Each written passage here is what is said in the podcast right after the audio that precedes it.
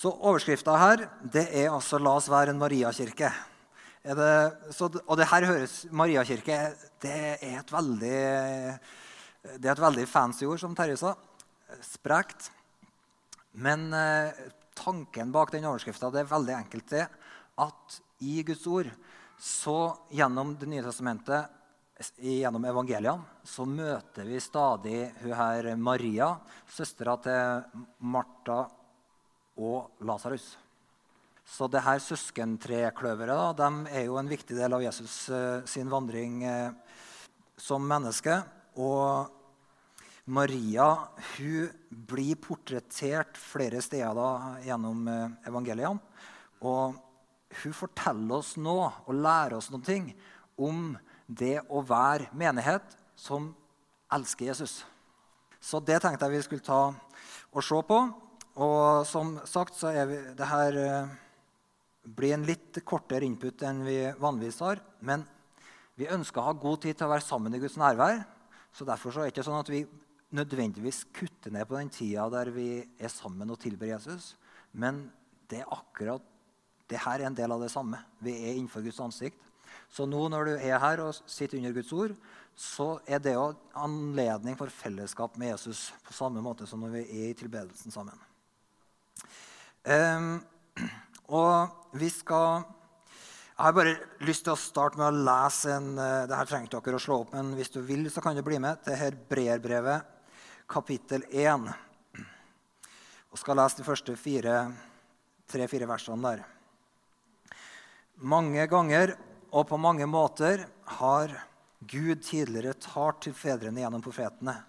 Men nå i disse siste dager har han talt til oss gjennom Sønnen han har Gud innsatt som arving over alle ting, for ved han skapte han verden. Han er utstrålingen av Guds herlighet og bildet av hans vesen, og han bærer alt ved sitt mektige ord. Altså, han har Gud, Sønnen har Gud innsatt som arving over alle ting, for ved han skapte han verden. Han er utstrålinga av Guds herlighet og bildet av hans vesen, og han bærer alt ved sitt mektige ord. Da han hadde fullført renselsen for våre synder, satte han seg ved majestetens høyre hånd i det høye. Slik ble han mye større enn englene, for det navnet han har fått i arv, er så mye større enn deres. Og Så fortsetter da forfatteren av hebreerbrevet utover i brevet og viser bare hvordan Jesu navn er større enn alle andre navn. Men her det noen, det, du finner noen sånne avsnitt i Det nye testamentet som drar på en måte teppet til sides og viser Jesu evige storhet. Så du har, I evangeliene så, så finner vi veldig mange sånne hint om eh, Jesus storhet. Eller ikke bare hint, men, men han, han åpenbarer sin herlighet i i miraklene som han gjør. Han åpenbarer det i visdommen som han formidler. Han åpenbarer det i myndigheten han har over de onde åndene. Så på veldig mange sånne måter så ser vi at det her, sønnen Jesus Kristus han har et navn som er større enn alle ting. Eh, så Josva han går gjennom Jordan, og Moses han går gjennom Rødehavet. Men Kristus han stiller seg på vannet og er herre over det. Eh, og, og, du har Elia og Elisha. De, begge dem er borti sånne matunder der de fôrer seg sjøl og fôrer en enke og sånne ting, og Herren forsørger dem. Men når Jesus kommer, så kommer ikke han bare og sørger for seg sjøl, men han kommer og bringer, gjør matunder som gir mat til alle som er til stede. Han viser seg som denne kongen som først gir mat til 5000, og så gir han mat til 7000 bare ut av noen, et lite nistepakke. Så Gang på gang gjennom evangeliene så får vi portrettert Jesus' storhet.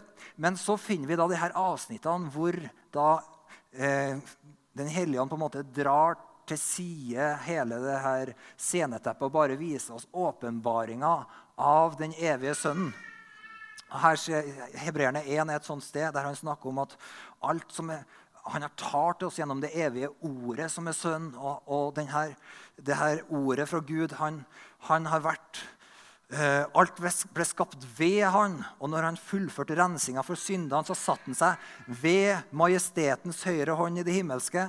Så han på en måte drar tegninga av Kristus som var før liksom, barnet i stallen i Betlehem, og etter oppstandelsen så drar på en måte forfatteren av hebreerbrevet opp linjene og viser oss at Sønnen er den evige Guds konge, som, alt, som er i sentrum for alt Gud holder på med.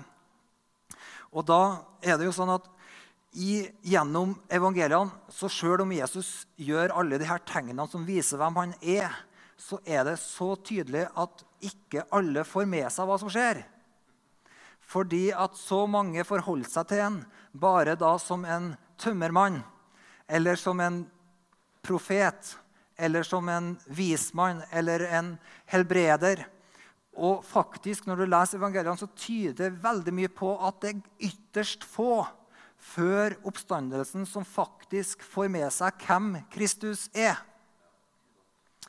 Men Maria For meg virker hun som en av de som har fått del i denne åpenbaringa, og som bare har sett Jesu storhet og har gitt seg sjøl til han.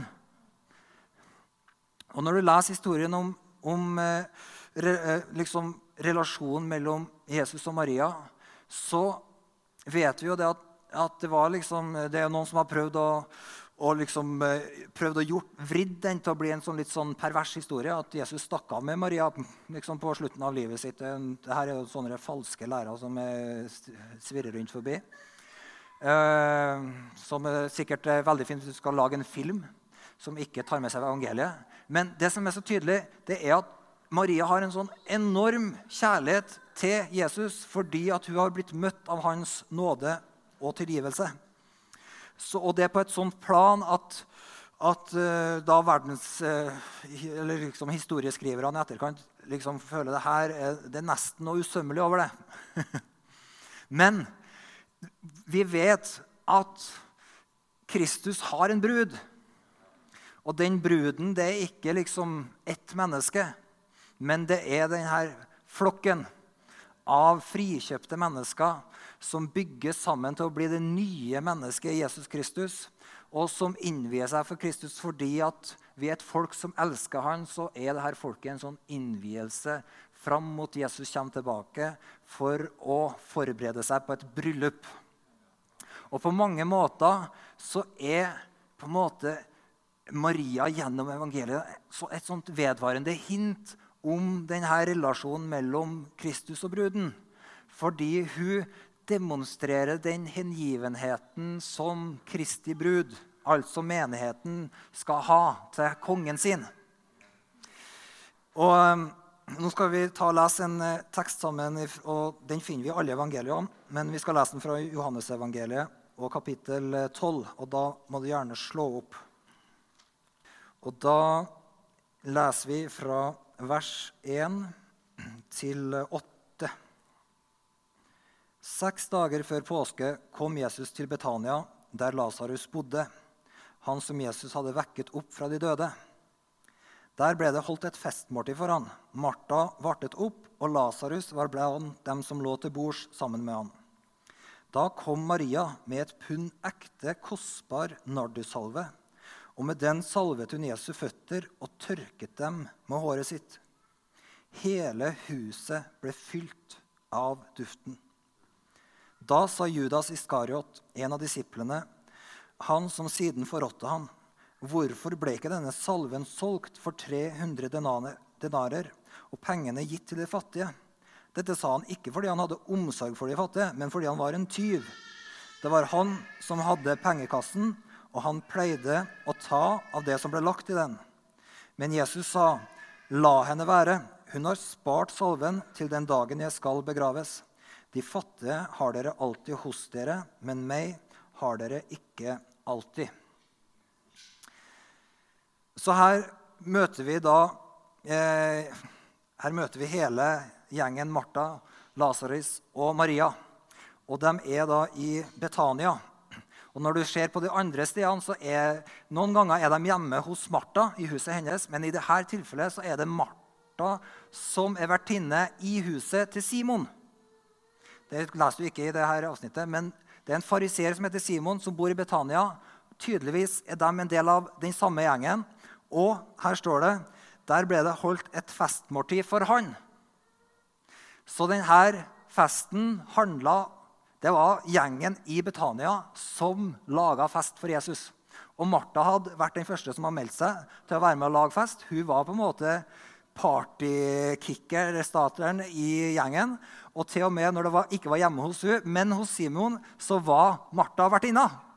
Nå, det var bare en kuriositet, men jeg liker de her kuriositetene, så vi la oss ta dem med oss.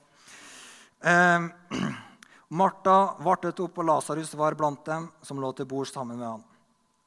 Og I denne festen så kan du se for deg fordi at Simon fariseeren altså Det er ikke sånn at av og til så bevegde Jesus seg blant de fattigste. Av og til så bevegde han seg blant eliten. Men her, her var sånn middelklasse pluss. Fariseeren Simon, det var Martha, det var, en, det var folk som hadde, de hadde ganske, tilsynelatende ganske bra.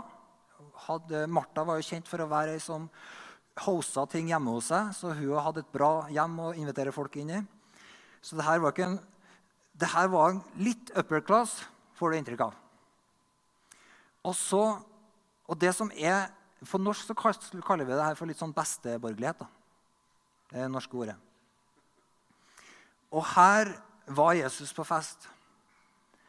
Og veldig ofte når du har sånne besteborgerlige fester, så er det dynamikken i det som skjer, det er litt sånn her ok, Hvem er det som er på gjestelista?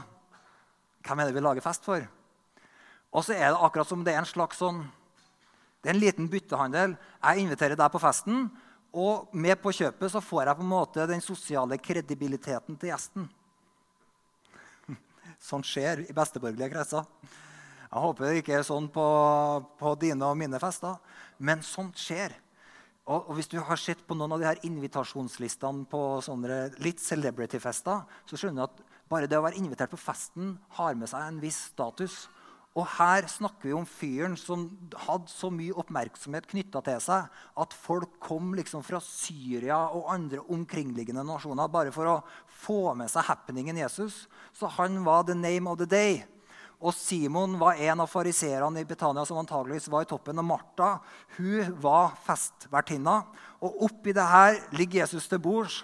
Og han vet at han er ikke der liksom for å, fordi at Simon skal ha noen å name-droppe når han inviterer fiffen i Betania på fest. Han vet at han er der av en helt annen grunn. Han er der for å tjene Jesus. Og i denne konteksten av alt det som skjer, så kommer Maria inn, og så gjør han noen ting som du ikke helt vet om hun helt skjønner rekkevidden av. For Jesus sier, Når hun har brutt denne salvekroka, så sier Jesus la hun være. Hun har spart salven til den dagen jeg skal begraves.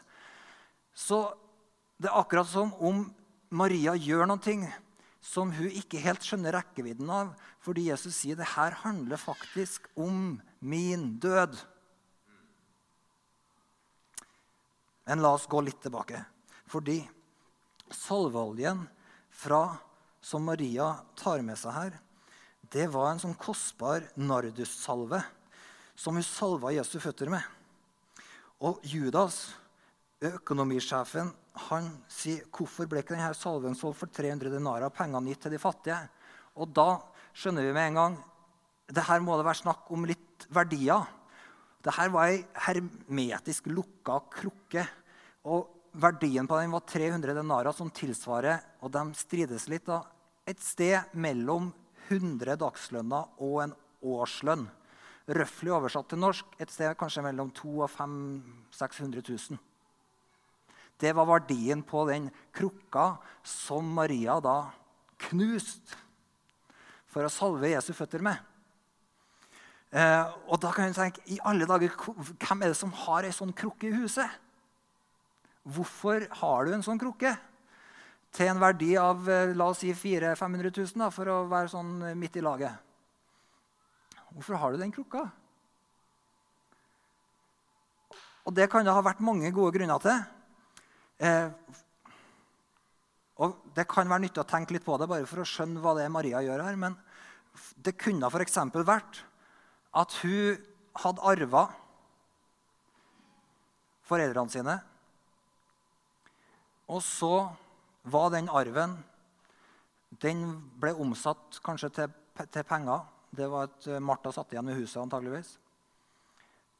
Kanskje hun tok sin del av arven og sa det her er pensjonen min, det her skal jeg leve av. Når jeg ikke en dag lenger kan jobbe, så sa hun hvordan skal jeg ta vare på det her? Tok alle pengene, satt dem i ei krukke med nardussalve, så visste hun at den her den er like verdifull om 20 år som den er i dag. Dette er pensjonen min. Hvem vet? Eller kanskje hun hadde tenkt at en dag skal jeg bli gift. Og så hadde hun fått en gave fra en fjern slektning som sa at dette er forberedelse til bryllupsdagen din. Den dagen skal du knekke denne krukka og fylle huset med duften, og det blir fest. Eller kanskje denne salven du, den ble også brukt for å balsamere døde kropper og forberede dem eller i de her begravelsesseremoniene så smurte de inn kroppene med sånne salveolje. Kanskje var den tenkt til seg sjøl. Kanskje hun tenkte jeg tar ansvar for min egen framtid. En dag skal jeg sjøl dø. Kroppen min Kanskje, kanskje det her var hennes skatt på en måte som Jeg vet ikke. Uansett.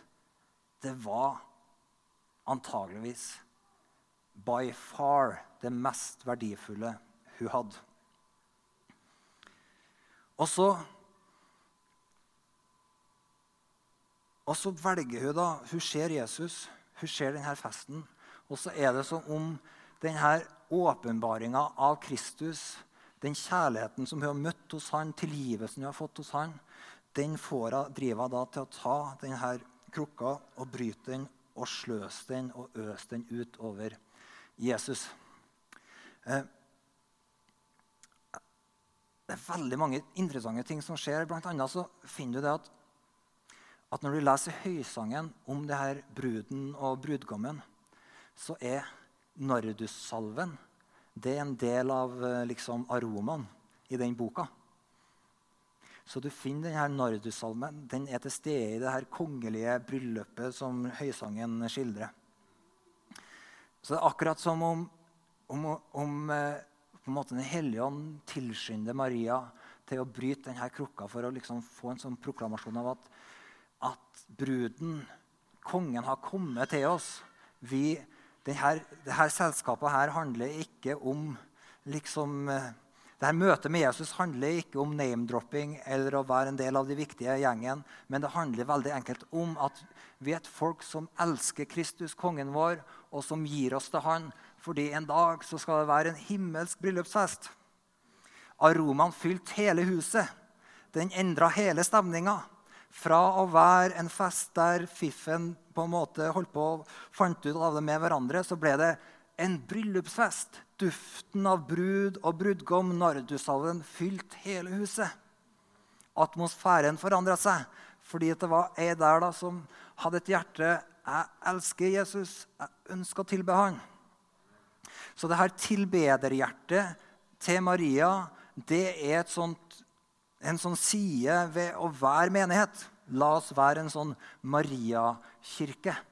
Så det er en side ved å være menighet som handler om at vi legger på en måte alt det ytre til side og sier at vi har sett kongen, og vi ønsker at atmosfæren i rommet skal være en atmosfære av hengivenhet tilbedelse og innvielse som for et bryllup. Så å være i sånn Mariakirke det handler om å være et sted der folk kommer inn, så merker de at her er det, her er det kjærlighet i lufta. Her er det hengivenhet i lufta. Her det, det handler det om et folk som holder på å sette seg sjøl til sides for Kristus. Alt dette preger atmosfæren i ei sånn Mariakirke. Er dere med? Så, så Og det, denne, denne atmosfæren da, av bryllup den frigjøres når enkelthjerta gjør som Maria. Slutter å se på alle rundt og bare vet at fokuserer på Jesus, og så bryter hele den sosiale kodeksen og bare gir seg til å tilbe. Da frigjøres det en velduft av bryllupsfest i huset til Herren. som gjør at folk ser her det her er ikke en sosial klubb, det her er ikke en besteborgerlig fest, men det her er et folk som er innvidd for kong Jesus, som elsker han. Her er det hjerter som elsker Jesus mer enn noe annet. Og så finner du, og I noen av historiene så står det at Maria starter med å helle oljen over hodet til Kristus. Så I alle historiene så, er, så, så smører hun føttene til Jesus med denne oljen. Men i en av dem, i hvert fall, eller kanskje to, så står det at hun heller oljen over hodet til Kristus. Og du vet, å helle olje over hodet til noen i bibelsk forstand det handler om å salve til tjeneste. Og det var sånn profetene salva kongene, eller de som skulle bli konger, til tjenesten sin. Så du finner Samuel han var ute og helte olje over hodet til David enda mens Saul var konge i landet. For han sa her er, her er den kommende kongen. Og sånn finner du Elisha han sendte en av sine profetlæringer ut bare med et oljehorn. og Så finner du en historie at han bare springer og heller olje over en fyr, og så spurter han av gårde igjen. For det var så kontroversielt, denne salvinga. Så det her kan du lese om i, i profetbøkene. Men Maria kommer inn da i rommet, og så heller hun olje over hodet til Kristus. Og det må ha vært For de som var til stede, som som var litt våkne i det her, så kunne det vært en provokasjon. Fordi salvinga av Messias, kongen Det gikk rykter. På tida der, I samtida til Maria så gikk det rykter om at Jesus var denne Messias. Og Folk stilte seg det her spørsmålet. En døperen Johannes? Er det, er det Elia, profeten Elias som er kommet? Eller eh, eller, men også var det noen som sa nei, nei, det her er Messias. det her er Messias. Og Johannes han sendte jo til med disiplene sine og spurte er det du som er Messias. han som vi har på. Så ryktet om at Messias var på gang, var liksom i området. Men når da Maria kommer inn og ser Kristus, kongen sin, og heller olje over hodet hans, så kan det ha vært en provokasjon. Fordi hun utnevnte der og da, i egen person, Kristus til konge og den Messias som Gud hadde lova. På mange måter virker det som ei enkel dame, men som kom og salva Jesus. Og på en måte så sa hun at enda ser vi ikke, men han er den salvede. Han er den som, som er, han er salva for en gravferd, men han er ikke bare salva for en gravferd. Han er salva for en oppstandelse og en himmelfart der han sitter ved Guds den allmektige Fars høyre hånd.